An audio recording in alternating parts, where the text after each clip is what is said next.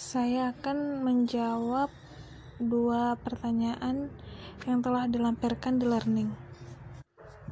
Pertama, berikan contoh tiga studi kasus yang menggambarkan benturan nilai hukum yang sering terjadi di masyarakat Indonesia. Jawabannya yang pertama, pelajar pesantren yang dibegal dan melawan begal tersebut, namun pelajar ini malah menjadi tersangka.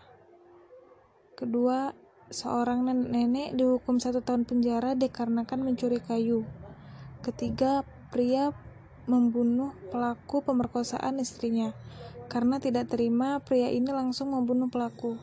Namun pria ini malah difonis 8 tahun penjara. Soal kedua, temukan solusi kasus tersebut dengan kaidah Gustav.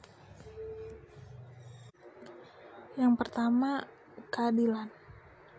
Dari ketiga masalah ini, kita dapat melihat keadilan masyarakat Indonesia sangat membingungkan, karena para korban dan para rakyat yang miskin melakukan hal kriminal itu langsung dijerat. Namun saat para konglomerat dilama-lamakan, dari situ keadilan Indonesia harus diubah dan dikhususkan karena keadilan sudah sangat kurang. Kedua, manfaat.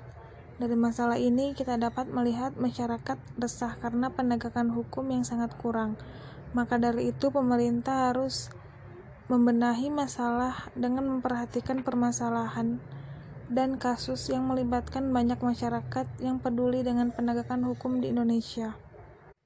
Yang ketiga, kepastian. Dari tiga kasus di atas, pemerintah harus memberikan kepastian bahwa peradilan ini harus adil. Dilihat dari latar belakang masalah, bukan apa yang dituntut, banyak kasus yang merugikan korbannya.